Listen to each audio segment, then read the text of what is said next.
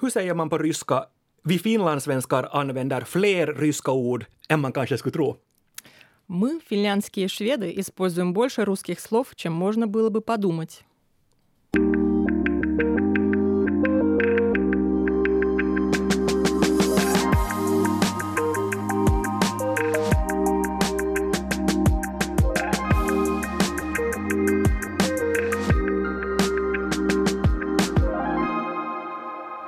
Dobro Pashalovic, det här är näst sista ordet med mig, Jens Berg och språkexperten Jenny Silvin. Hej, hej.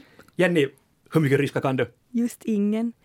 Det är, jag, jag kan alfabetet, jag kan, jag kan läsa ryska, men jag har ingen aning om vad jag läser i allmänhet, om inte just så här restaurang eller kotka, som ju stavas likadant på ryska och, och svenska och finska. Och alfabet, alfabetet lärde jag mig i Sofia i Bulgarien, där jag var jag en vecka på en skolresa i gymnasiet. Då lärde jag mig alfabetet, sen gick jag omkring med, med en sån här liten luntlapp, alfabetslapp i handen och knäckte den kyrilliska koden och det var jättespännande och jättenyttigt och användbart. Och särskilt sen när jag var på en, en resa i Sankt Petersburg för kanske 15 år sedan så var det bra att kunna läsa. Men som sagt, om inte stod Olitsa eller något ganska förutsägbart så hade jag svårt att veta vad det betydde. Jag, jag misstänker i min tur att jag har någon form av, av passiv ryska som finns någonstans i, i bakhuvudet. För när jag var cirka 10 eller kanske 11 eller någonting sånt så, så tog pappa en, en språkkurs i, i, i ryska och det var på den tiden när det fanns C-kassetter. Så, så när vi åkte bil så, så snurrade C-kassetter i bilen hela tiden, hela tiden, hela tiden. Och vi, vi hånade honom lite och skrattade för vi tyckte att det var lite konstiga ord han lärde sig. Att det, det var liksom finsk-ryska och så kom det eli kuivakakku. men det kan ju vara bra att veta vad en torrkaka är. Men kanske det är så att du och jag, Jenny, inte riktiga giganter när det gäller kunskaper i, i ryska, får man säga. Nej, vi ska nog ligga lite lågt, tror jag. Men däremot är vår gäst det. Claudia Rybin, välkommen. Tack, tack. Härligt att ha dig här. Uh, riktigt kort, mm. din bakgrund, Claudia. Ja. No, uh, jag är alltså Claudia. Jag flyttade till Finland som fem år gammal från Sankt Petersburg. Uh, det var år 90, så det var ännu Leningrad. Och det är alltså på grund av att mina föräldrar fick universitetsjobb uh, här i, i Finland. Och då, då hände det så att mina föräldrar satt mig i språkbad. Uh, så jag lärde mig svenska eh, parallellt med ryska och finska. Så på det sättet ett gratis, gratis språk på köpet. Så både svenska och ryska är, är mina, mina modersmål. Och ja, jag har fått all utbildning på svenska från lågstadie, högstadie eh, uh, gymnasie, universitet och det här. Ja, nu för tiden så är jag uh, mångsysslare inom mediebranschen och jobbar bland annat som uh, redaktör och journalist. Och, och, så studerar jag på svenska vid Helsingfors universitet vid magisterprogrammet i kultur och kommunikation. Häftigt. Jag, jag är nyfiken på det. När, när du, Claudia, talar ryska, mm och, och, du talar ryska med, med, med andra ryssar, sådana som bor i Ryssland, så att mm. säga. Uh, hur märker de varifrån du är?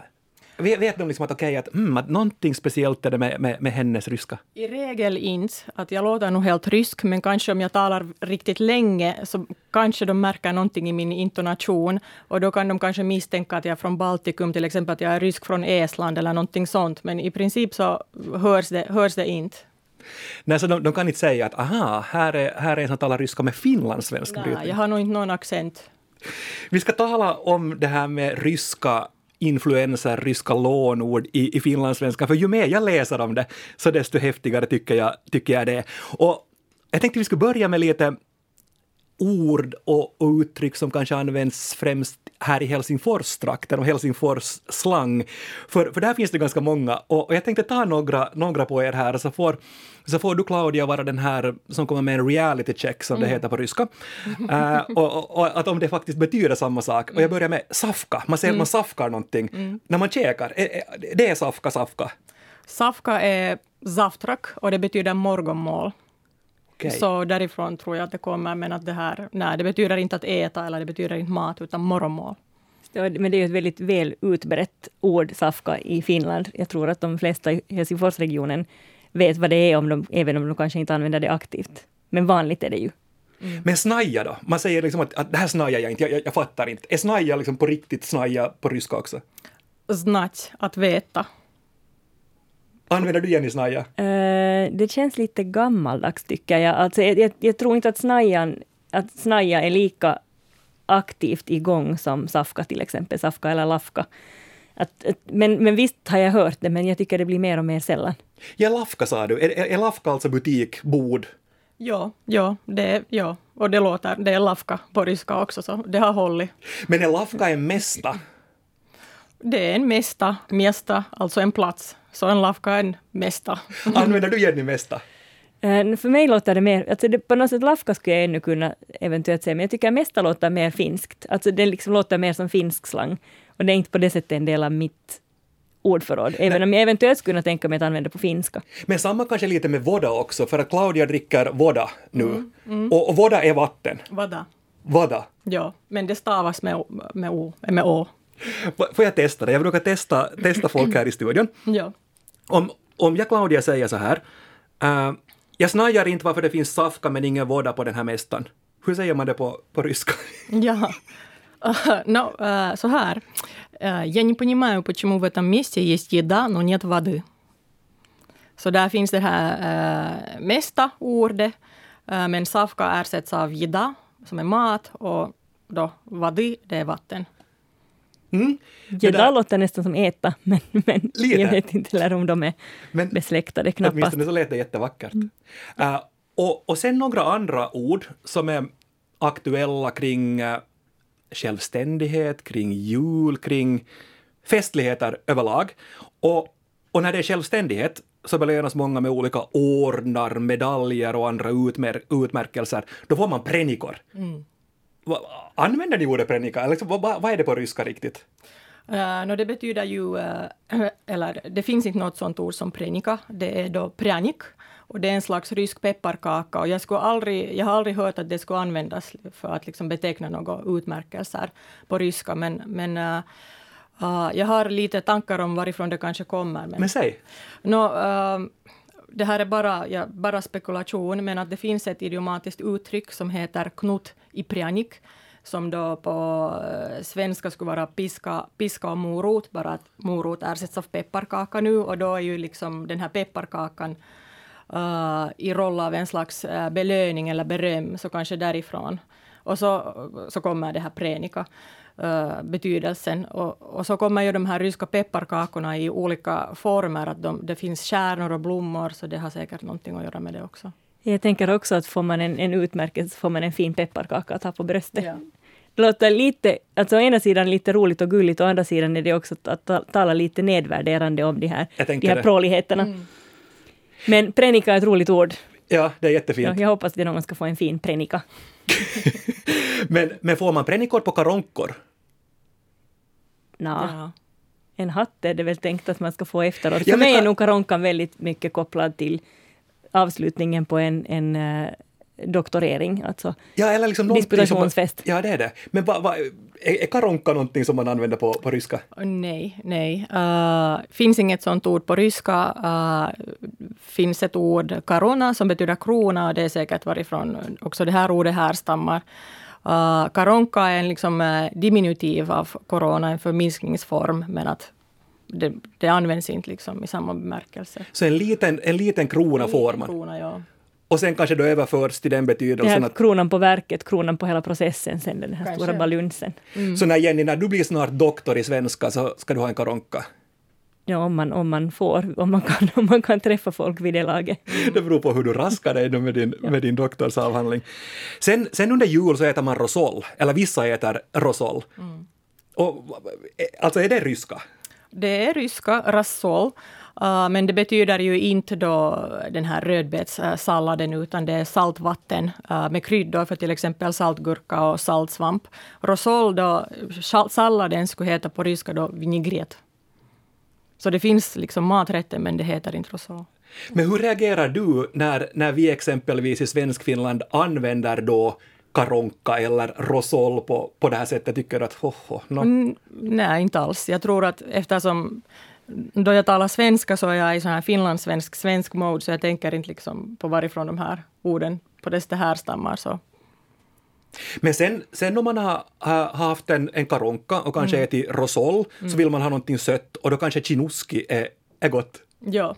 Och är chinuski, chinuski på, på ryska? Tinutski. Chinutski? Tinutski och det är då eh, godis som kola då. Uh, och det här ordet tinutska det kommer från, uh, från ordet tinut som betyder att det, någonting tennis dras ut, att godisarna, godisarna liksom dras ut, de är så här sega. Och, och ryska barn älskar dem. De fastnar i tänderna men de är riktigt goda. Ja, alltså, Chinoski måste väl vara mitt favoritord från ryskan. Mm. Alltså, helt enkelt bara för vad det innebär och betyder. Uh, på, på svenska, alltså kola, det svenska ordet kola kommer från att den här kolasåsen, kolakrämen ofta smaksattes med kolanötter. Och tydligen är det därifrån då som det här svenska namnet kommer. Det kommer ju inte heller till exempel Cola finns ju inte i engelskan i motsats, alltså jag tänker att Coca-Cola till exempel, där innegår det, men det heter caramel eller, eller karamell på många andra språk. Så det att vi kallar det Cola och sen i Finland för chinuski är ju en ja, liten egenart. Så är det. Är du med Claudia på ett test till? Ja, absolut. Uh, nu skulle jag vilja, vilja veta hur man säger det här på riktig ryska, den här meningen. När de gav mig prenikan på karonkan bjöd de först på rosol och sen chinuski till efterrätt. Jag måste nog här först säga att det, det, det skulle aldrig bjudas på någon festlig tillställning. Det är ganska så enkel vardaglig mat. Men det här um, på ryska, ja. Когда мне вручали на банкете медаль, то сначала, сначала угощали винегретом, а потом на десерт тянучками. Dessert fattar jag där. Ja. Yes. Och medalj fattar jag. Äh? Ja. Men sen Sen också på trettondagen i juletider så, så kom en trojka och uppvaktade Jesusbarnet. Är, är trojka trojka på ryska? Trojka är trojka, trojka och det kan då beteckna vilka som helst tre saker. Ett, tre rubel, tre personer, vad som helst. Så det är inte bara personer utan det, det är liksom tre? Tre, någonting, tre, tre av någonting. Okej, okay. för, för den ursprungliga betydelsen för trojka, alltså i, i svenskan har varit det här trespannet, alltså med en, en vagn dragen av tre hästar, där det är en fram och sen två längre bak mm. som, som drar då. Jag tänker att Tors vagn dras av en trojka med jätter. Mm. Och näst sista ordet idag med, med trojkan rubin, sylvin och berg. Sen några gamla ord som, som jag tycker är jättefestliga också, som säkert många äldre av våra, våra lyssnare känner, känner till. I Finlands svenska ordbok så finns det till exempel ordet isvoschik, Mm. Är, är det här bekant? Ja, och det är ett helt vanligt ord på ryska. Meaning? Samma, hästtorska åkare. Äh. Är det, var det, var det bekant för dig, Jenny? Nej, aldrig hört. Och sen andra gamla ord som, som jag har hört att äldre finlandssvenskar använder så är chinovnik. Mm. Det är ett helt vanligt ord, betyder tjänsteman och chinovnik. Ja. Och pratajerska? Det vet jag inte varifrån det kommer, eh, för att jag har till och med svårt att uttala det, pradajerska. Eh, det finns inte något sånt ord. Jag, jag tippar på att det kommer från ordet pradavchitsa, och det är då en kvinna som säljer på torget, men jag förstår inte hur det har blivit i pradajerska. Jag vet inte heller. Du är språkexperten Jenny, ta vid du nu här så dricker jag kaffe. ut mig på djupt vatten nu. Jag tror, jag menar det kan ju hända också att, att man har tagit någon del och sen, sen har man förvanskat det till någonting som låter som ryska, ja. tänker jag. Ja kan hända. Och det finns jättemånga härliga gamla ord också från Viborgssvenskan där man blandar och lånar mellan svenska, ryska, tyska och finska. Marika Tandefelt har skrivit ganska mycket om det här på bland annat språkbruk.fi. Gå, gå in och läs, det, det är jätte, jätte allmänbildande. Det vanliga ordet babushka, för är det farmor, mormor eller ja, gumma? Det, ja, ja. Det, det tycker jag är ett vackert ord. Men har du Jenny några andra ryska ord förutom de här som jag räknar upp nu som, som du använder? Nej, alltså min pappa brukar tala om skavarotka som betyder stekpanna. Betyder det Claudia på riktigt? Ja, skavarotka. Ja, och jag vet inte varför. Jag vet inte hur det har slunkit in i hans språk. Kan det, jag vet inte, pappa, min farfar var sanitär vid, vid fronten så att det kan ju ha någonting som har, har någonting med det att göra eller sen kommer det från några andra Rysslandskopplingar. Sen mm. en annan sak som jag, som jag tänker på, på här, så att vi, vi, vi stöter i när det gäller snapsvisor, när vi sjunger snapsvisor, så så finns det ganska ofta, eller i många snapsvisor, någon form av ryskt tema eller, eller, eller ryska ord. Och ibland, eller ganska ofta, i sådär lite nedsättande ton. Till exempel den här som kanske är bekant för, för flera, flera av er. Izvozjik eller generalmajor, skillnaden är ta mig fan inte stor. Man säger att ryssen är en skojare, durak, och visst är det sant att det är ett satans pack. Hur, hur, reagerar du, Claudia, på, på den här typen av snapsvisor? Jag menar, du sitter, du sitter där och, och, och hör dem och kanske sjunger dem ibland också. No, eh, jag har inte själv hört just den här snapsvisan, men eh, jag skulle säga att jag tar nog inte illa upp för att det är ändå kulturhistoriskt värdefull tradition. Men jag kan nog inte säga att det är någon enorm njutning att, att sitta och höra en sån snapsvisa. Men att det är ändå en del av vår historia och på dess folkminne. Så jag har mm. förståelse för det. Mm. Durak där är väl, är väl någon form av fähund eller, eller liksom på, på det sättet? Ja, ja det är sådär dumbom, lite idiot, lite i den stilen. Mm. Men vad, vad, säger, vad säger ni överlag om inställningen till, till ryska och, och ryssar i Svenskfinland? Alltså de ryssar jag känner så är dels alltså sådana gamla släkter som har bott här hur länge som helst och är väl integrerade, för att inte säga nästan totalt assimilerade, de spår som finns av ryska, eventuellt då, att man, man är ortodox och vissa påsktraditioner och, och sånt här. De flesta ryssar jag känner i Finland firar till exempel jul när vi i Finland firar jul och inte, inte när den ryska julen infaller. Man märker det inte alls om inte det är just frågan om något namn eller eventuellt just något litet språkbruk, familjärt språkbruk och så vidare. Sen känner jag andra ryssar som är senare inflyttade, men de är också alltså, du, som vem som helst. Jag tycker att det, att det ryska i Finland sticker ut väldigt lite. Uh, men sen har jag samtidigt en bild av Ryssland och ryssar som kanske är präglad lite å ena sidan just um, Runebergs Kulneff som jag tycker är en rolig figur. Han älskade att slå ihjäl med samma varma själ och det tycker jag är så spännande med Runeberg för att även om han är liksom patriotisk och sån här förhärligar kriget så, så, så förhärligar också, han också ryssen så länge ryssen är en, en livsglad hjälte och, och visar på ädelmod. Så man kan liksom uppskatta en person som är djärv och modig även om han i princip då står på fiendesidan. Och sen får man kanske en bild, just den, den bild som förmedlas både av eh, kanske filmer och, och, litteratur, men också alltså av den ryska litteraturen själv, då just Dostojevskij, Bulgak, Bulgakov, Pasternak och så vidare. Det finns en sån här, att ryssarna är, är kanske lite mer känslosamma än vi. Känslosamma, lite melankoliska liksom finländare, men sen lite mer känslosamma, vi är mer så här stramt återhållsamma. Kommentar Claudia, vad säger du om det här? Eh, uh, no, särskilt det här med, med, med att det här ryssar brukar i regel integreras snabbt och, och till och med assimileras i, i andra och tredje generationen. Så, så det instämmer med att det syns inte så hemskt mycket på det sättet, eller man märker inte av det. Och, och det här, ja, jag tror att i svensk Finland, jag har en känsla att, att när finlandssvenskar är själva en minoritet, så därför kanske har de också mindre fördomar mot andra, andra minoriteter och mer förståelse. Uh, och överlag så tror jag att, att såklart finns det ju kanske en del fördomar, men, men också uppskattning för den rätt så rika ryska kulturen uh, för de som är bekanta med den. Det är väl så ändå att, att uh att kunskaperna i ryska och sådär om Ryssland överlag är ganska dåliga och, och det kan ju sen i sin tur leda till, till som du sa här Claudia också, att, att vissa fördomar kan, kan finnas. Jag tycker att det är ganska bra. Uh, Arto Mustajoki, en känd professor i, i, i ryska språket och språkvetare, han har sagt så här, citat. Finländares kunskaper om Ryssland har vass krona, tunn stam och svaga rötter.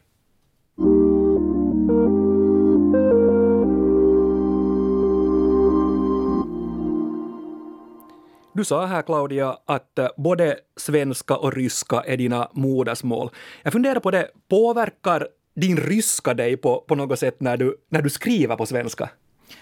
Ja, no, jag är ju eh, tvåspråkig, så då jag skriver på svenska så tänker jag också på svenska. Men ibland märker jag nog ändå att något i mitt sätt, i, i mitt maner att skriva, att där finns någonting från ryskan och ryska stilen att skriva. Så. Men vad, vad, hur, hur tar det sig uttryck? Alltså hur, vad, vad, säger folk som läser dina, dina texter när du har skrivit på svenska och de märker att här är någonting som de tycker att är en intressant krydda? No, jag hoppas att, att det inte går så långt att någon annan märker det. Jag hoppas att jag själv märker det före jag ger min text till någon uh, för, för korr. Men det här, jag gör ju inte på desto fler fel än någon annan svensktalande. Men att en viss tendens finns det och det är ju så att uh, i ryskan, särskilt i skrift, så finns det ofta väldigt långa meningar. Man använder en massa bisatser. Ryssarna älskar att kombinera en massa bisatser. Och så finns det, så finns det också uh, gerundier, uh, alltså en verb som betecknar pågående handlingar som inte finns i svenskan. Till exempel i engelskan while traveling on the train, så det här traveling. Och ja, om man, alltså, om man öppnar vilken som helst bok av till exempel Tolst, no, särskilt Tolstoj, så, så kan man se hela stycken på flera rader som en enda mening. Och, och, här som exempel, jag, jag plockar det här Anna Karenina och öppnar mm. bara en slumpmässig sida. Så här är, här, är, här är då en mening, en väldigt lång mening och det här är en enda mening. Jag tänkte läsa upp den på mm. ryska och sen uh, översätta den till svenska i en enda mening yes, för att ge gärna. ett exempel. Uh, Okej, okay. det här är till och med lite utmanande för mig. Uh, Эти припадки ревности в последнее время, все чаще и чаще, чаще и чаще находившие на нее, ужасали его, и как он не старался скрывать это, охлаждали его к ней, несмотря на то, что он знал, что причина ревности была любовь к нему. Uppfatta allt som sades här så måste jag typ själv läsa det här tre gånger. Men om det här skulle vara en enda mening på svenska så skulle det kunna låta uh, någorlunda så här. Dessa anfall av svartsjuka, som på senare tid allt oftare och oftare tog över henne, skrämde honom och oavsett hur han än försökte dölja det svalnade hans känslor mot henne, trots att han visste att orsaken till svartsjukan var hennes kärlek för honom. Så föreställ, föreställ liksom någon som måste översätta Tolstoj till svenska. Så på svenska skulle man ju spjälka upp det här till åtminstone tre, tre meningar. Så här är ett konkret exempel. Alltså det där är så fascinerande. Ja. Men, Men här måste ju som, alltså, jag undervisar ju i akademiskt skrivande och där ska jag som, som, som eh, lärare i akademiskt skrivande skulle jag definitivt gå och spelka upp. Men sen i skönlitteraturen så kan man ju ta sig andra friheter. Mm. Och jag vet inte, jag tyckte inte att den var hopp... Jag menar, jag måste säga, du, gjorde ett, du, du, hade, du hade översatt den väldigt väl, för jag tyckte inte att den var monstruöst lång. Alltså det, den var lätt att hänga med i, även om, även om den var lång. Ja. Det var snyggt översatt. No, men tack, det var en snabb översättning. men men, men det, där, det där är då en skillnad, alltså mm. fler, fler bisatser, längre meningar. Men ser du något, något annat? Finns det, finns det andra direkta, ska vi säga, inte fallgropar, men finns det, finns det andra skillnader när det gäller typ hur man använder bildspråk eller hur man uttrycker artighet eller vet du, den typen av, av saker?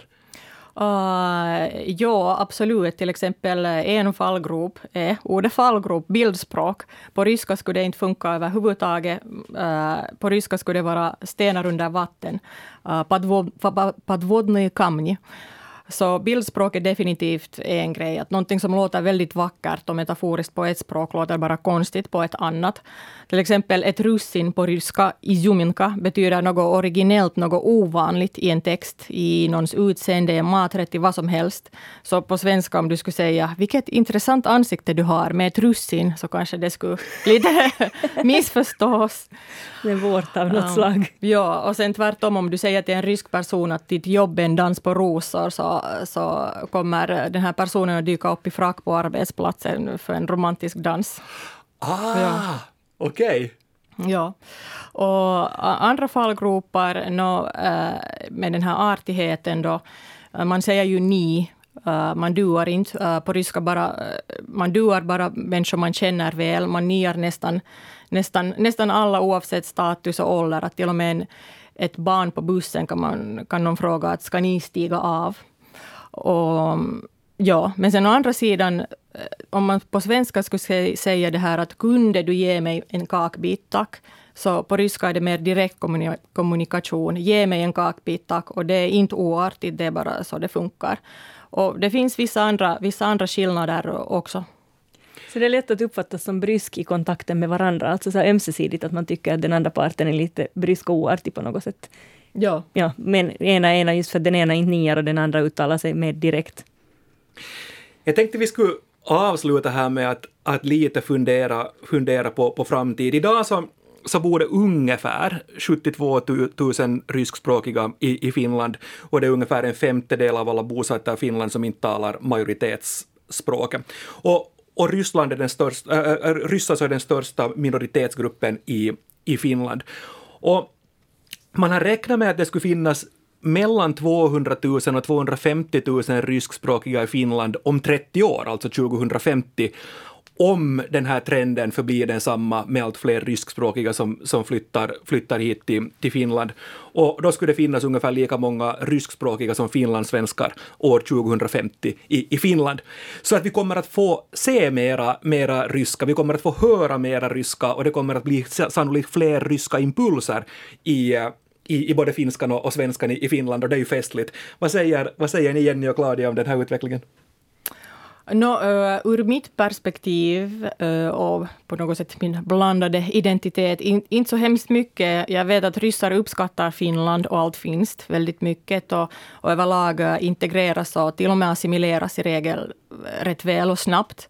Jag tror att kanske det skapar mer möjligheter för en bättre relation mellan Finland och Ryssland. Och no ja, överlag är, ju det här med mångfald bland befolkningen en rätt så global trend. Och så mera jobbmöjligheter för dig. Ja, precis. precis. Okej, okay, då, då ska jag då, ja. Vad säger Jenny riktigt kort om, nej, om det vad du tror? Nej, jag tycker det är intressant alltså vad det här med, med förhållande mellan olika minoriteter och förhållande mellan minoriteter och majoriteter. För det finns alltså när det gäller språk, språkpolicy så betyder det här ju att det kommer att finnas ett ökat utbud till exempel, alltså ökad efterfrågan på information på ryska. Jag tänker att det finns alltså olika typer av språkliga minoriteter. Alltså det finns å ena sidan urfolk som till exempel samiska och deras språk, då, samiska, inuitspråk och så vidare i olika samhällen. Sen finns det andra språkliga minoriteter som till exempel så typiskt sådana som man vill revitalisera, som inte är urspråk men till exempel baskiska, eh, walesiska, iriska och så vidare. Och sen finns national, nationella minoriteter som typiskt är just så här pluricentriska språk, som är minoritetsspråk i ett land, till exempel svenskan i finska, men Finland, medan den är majoritetsspråk i ett annat land. Och nu har ju liksom på grund av Sovjettiden så var ju Finland och Ryssland ganska avskurna från varandra. Så det har inte funnits någon sån naturlig gränskontakt och därför har ju ryskan i Finland, det är först nu som, som den ryska inflyttningen har ökat. Och sen finns det dessutom sen alltså immigrantspråk och på grund av just den här Sovjetsituationen så har rys, är ryskan i Finland mer av ett immigrantspråk, snarare ett immigrantspråk än en sån här liksom nationell minoritet. Och de här olika språken har olika rättigheter och de talas då förstås i olika proportion beroende på demografiska förändringar. Om, om en grupp plötsligt flyttar in i stora mängder så ökar ju till exempel andelen.